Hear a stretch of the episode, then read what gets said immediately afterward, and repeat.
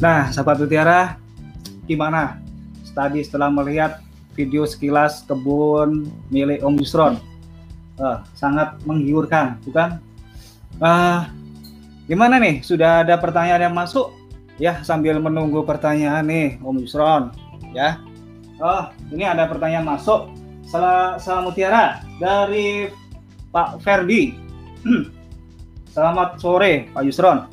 Uh, pertanyaan adalah mengenai uh, setelah ini apa aplikasi booster. Uh, ini bagaimana? Apakah ada pupuk lanjutan? Ada. Jadi setelah aplikasi booster itu kita melakukan pemupukan untuk penaburan ataupun spray. Jadi kita pakai grower dosisnya 100 gram per bulan plus karate boroni sebanyak 20% atau 20 gram per pohon per bulan. Nah kalau mau nggak repot itu bisa tiga bulan sekali, yaitu sekali langsung 500 gram per pohon per bulan, apa per tiga bulan? Tapi uh, ya kayak manusia saja ya. Kalau manusia itu kan kalau makan masak dirapel itu kan kayaknya nggak enak gitu pak. Kalau bisa kan sehari tiga kali. Nah sama kayak seperti pohon. Kalau memungkinkan ya setiap hari itu kasih pupuk tapi kan kita tidak efektif. Nah kita rapel satu bulan sekali ataupun tiga bulan sekali. Soalnya konsumsi tanaman juga dia ada pemasakan uh, nutrisi setiap harinya itu ada. Nah ini kita aplikasinya pupuknya jenis pupuknya jenis grower dan karate boroni. Growernya 100 gram, karate boroninya 20 gram. Kalau untuk spraynya itu kita pakai uh, Kalinitra sama Vitoflex. Kalinitra sesuai dosis anjuran saya pakai 7 sendok atau 4 gram per liter 4 gram kali 16 liter per tank kan itu kan tahuan nanti ditimbang aja yang pasti dosisnya anjuran kan 2 gram sampai 4 gram per liter nah ini kita pakai ya mungkin tanamannya kurang sehat apa kita kasih yang 4 gram aja jaga-jaga itu Nah, itu pupuk yang saya kasih setelah pemboosteran seperti itu. Wah, oke. Okay. Pak Ferdi, jelas ya tadi uh, jawaban dari Om Yusron ini. Jadi untuk pemupukan selanjutnya setelah di booster uh, tetap harus dilakukan supaya menghasilkan buah dengan uh, kualitas yang prima. Nah, Om Yusron, ada pertanyaan masuk lagi dari dari Margareta pribadi. Uh, izin tanya Om, kenapa sering saya booster uh, lengkeng kok sering gagal? Padahal posisi daun sudah tua, dari empat yang di booster hanya jadi satu saja. Ya. Kira-kira faktor apa aja nih Om Isron? Kemungkinannya banyak ya. Jadi timing pemboosterannya itu sudah sesuai apa belum seperti yang saya sampaikan tadi kalau saya itu bisa sampai apa namanya mendekati season bunga mangga. Nah, itu menghindari gagal booster seperti itu. Ketika di booster malah turbus, nah itu saya menghindari itu. Akhirnya saya aplikasi di season bunga mangga. Itu yang pertama. Terus yang kedua, ketika di booster itu pastikan posisi daunnya itu jangan lebat. Karena kalau sampai lebat itu akhirnya booster per gram per daunnya itu semakin sedikit, akhirnya tidak responsif. Tapi kalau daunnya di pruning, daun-daun yang ada di dalam tajuk pohon yang tidak terkena sinar matahari itu di pruning, itu akhirnya itu nggak kebagian boosternya.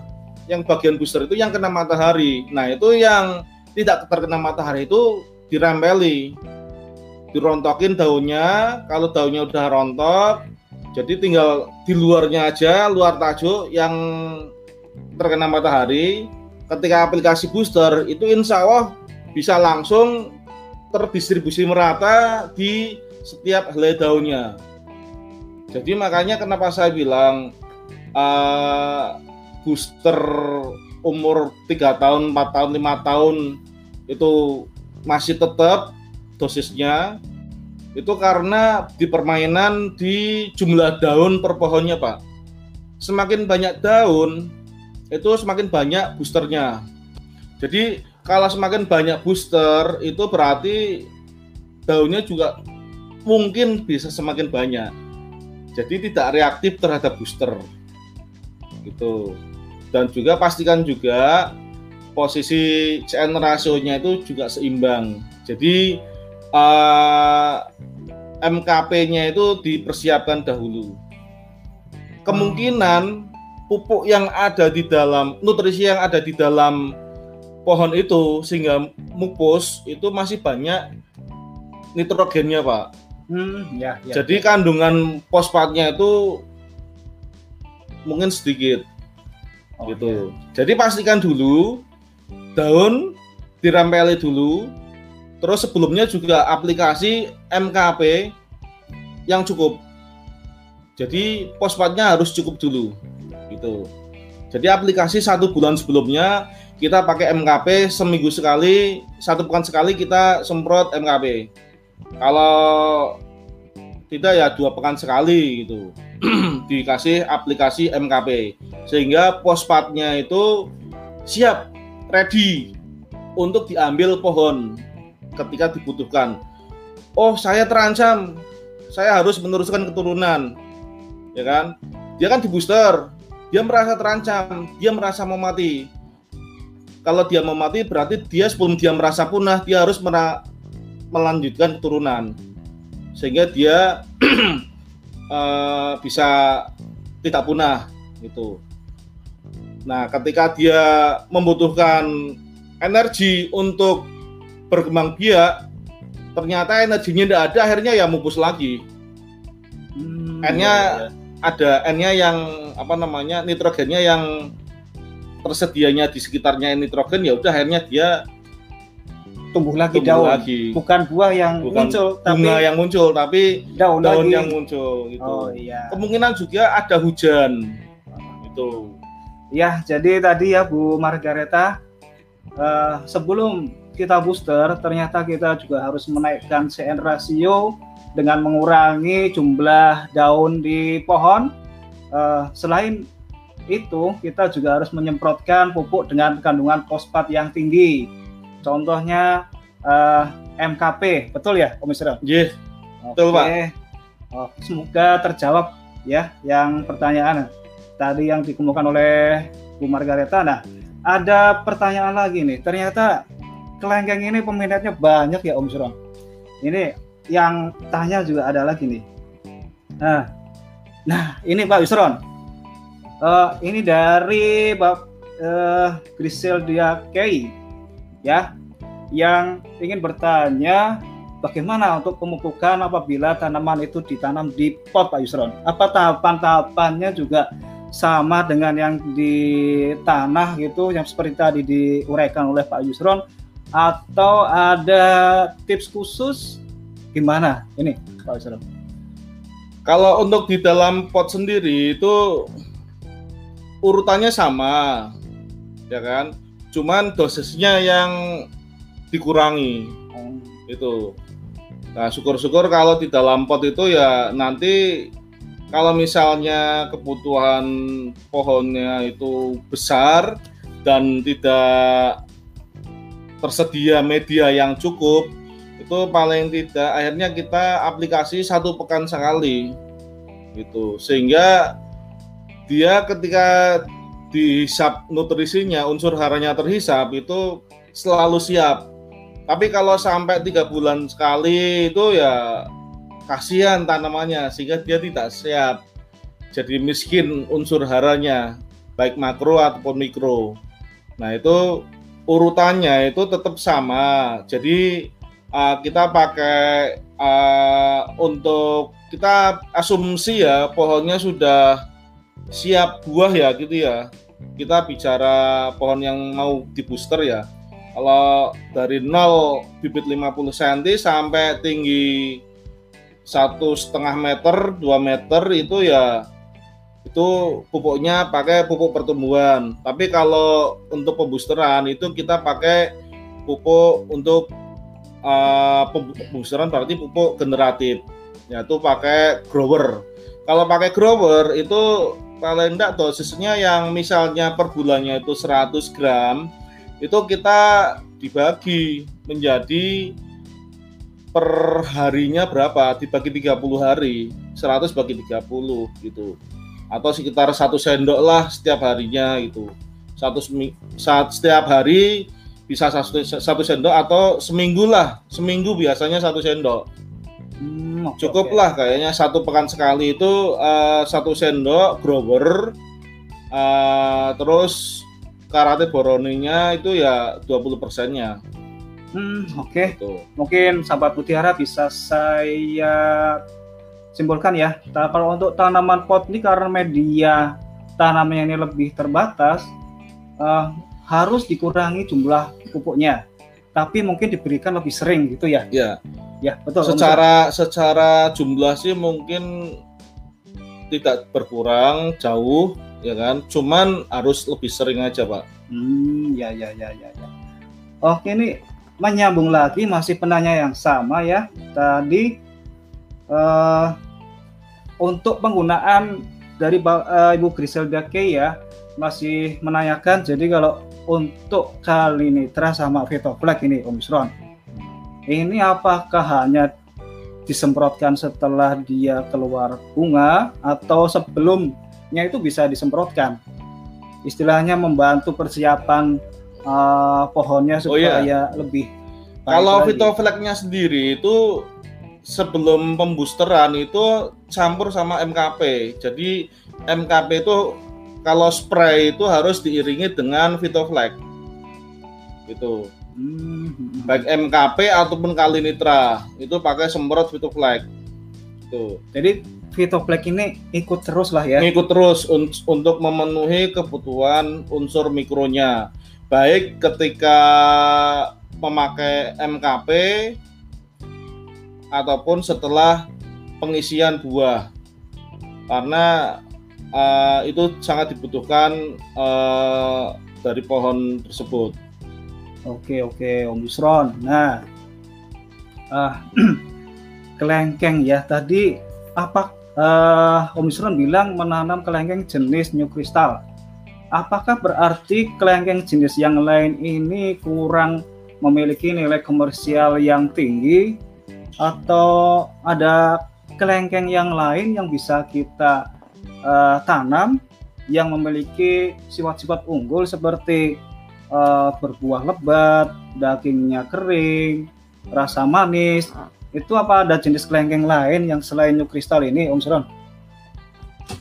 Untuk kelengkeng jenis yang lain itu ada, Pak. Jadi uh, kelengkeng jenis mutiara yang lokal ya, itu banyak ditemui di daerah Malang. Itu lumayan responsif juga terhadap booster. Itu. Nah, terus uh, ada juga yang kelengkeng terbaru ini Wangpet ya gitu ya. Wangpet jumlah malainya juga bagus, luar biasa gitu. Kalau saya masih setia di kelengkeng New Crystal gitu. ah, sahabat mutiara, mungkin Om Yusron ini ngefans sama New Crystal karena sifat-sifat unggul yang dimiliki kelengkeng jenis ini. Ya, uh, kalau tandan buahnya itu nyampe berapa kilo tuh Om Yusron yang pernah Om Yusron uh, alami lah yang pernah panen itu? Yang pernah saya temui itu bisa sampai 4,2 kilo pak. Satu tandan? Satu tandan.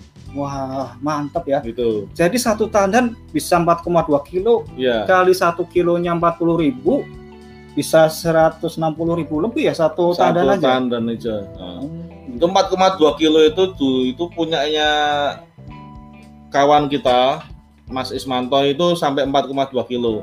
Punya saya juga ada yang bisa lebih besar, cuman lupa saya timbang.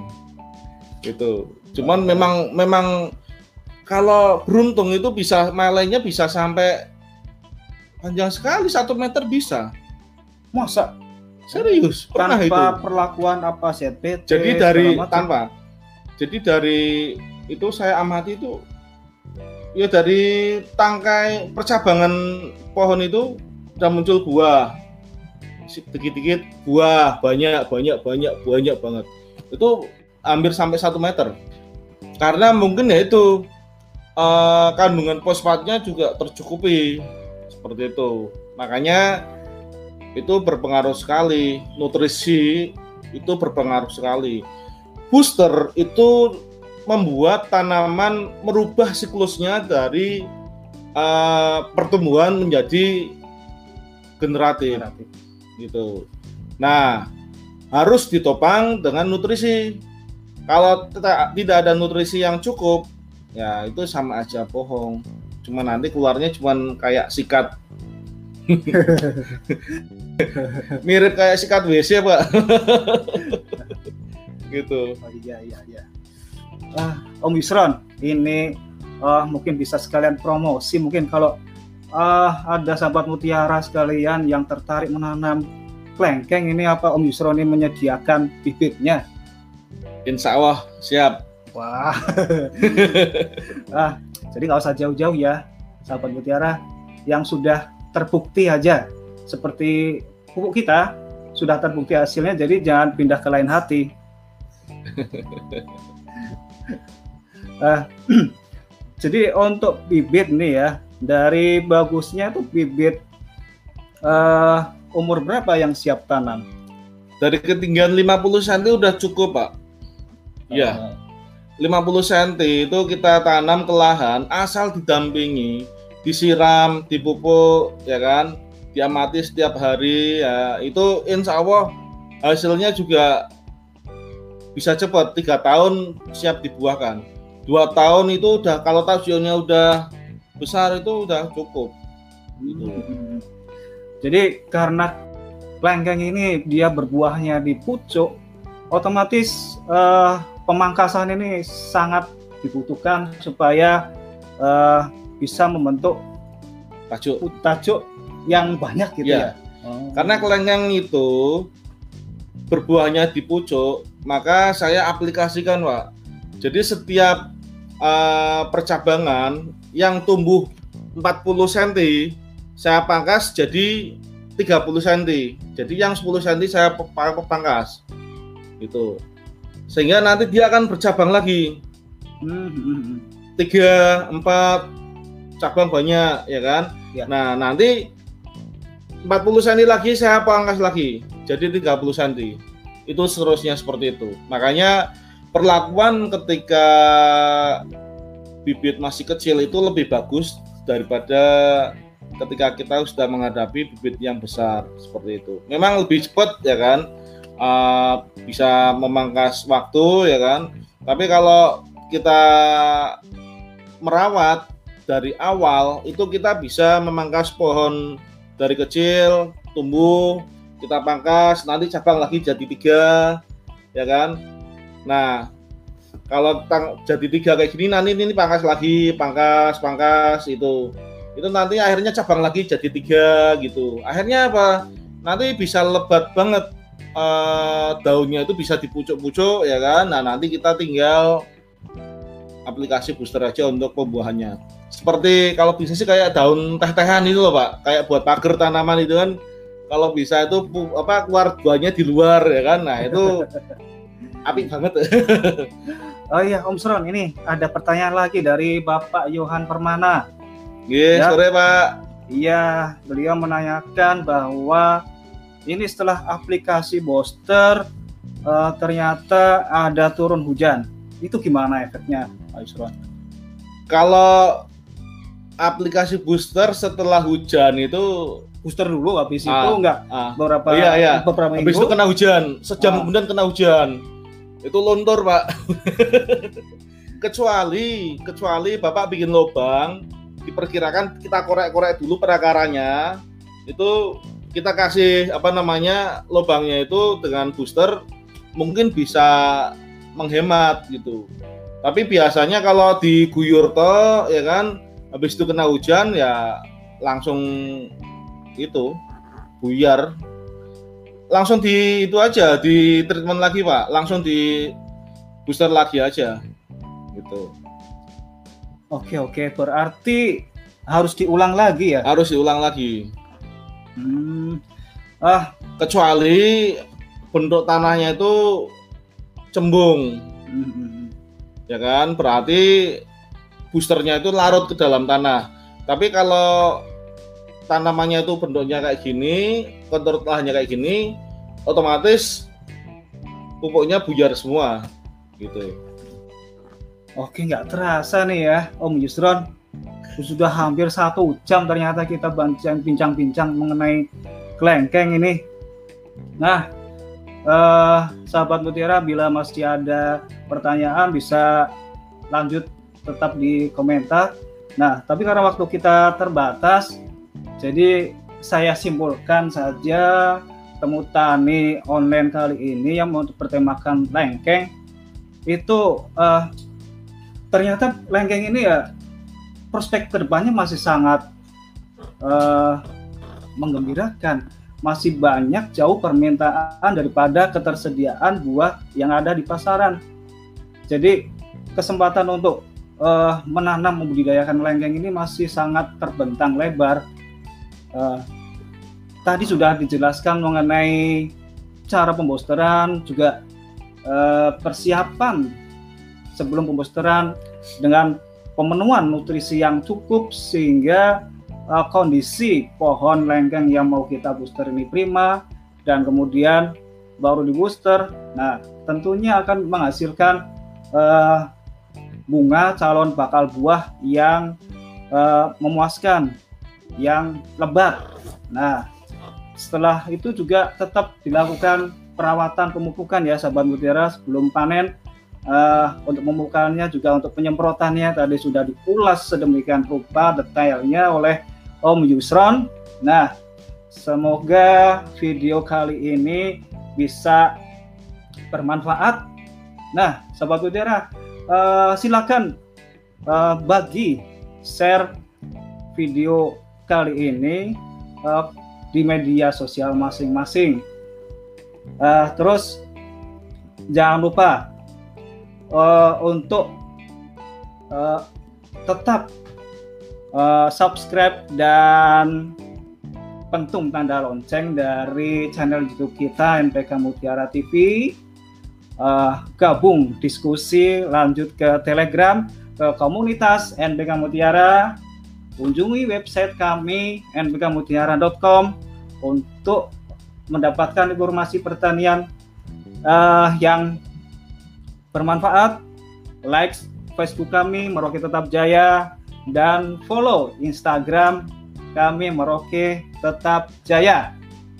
Uh, uh, stay healthy, jaga kebersihan, dan salam mutiara. thank you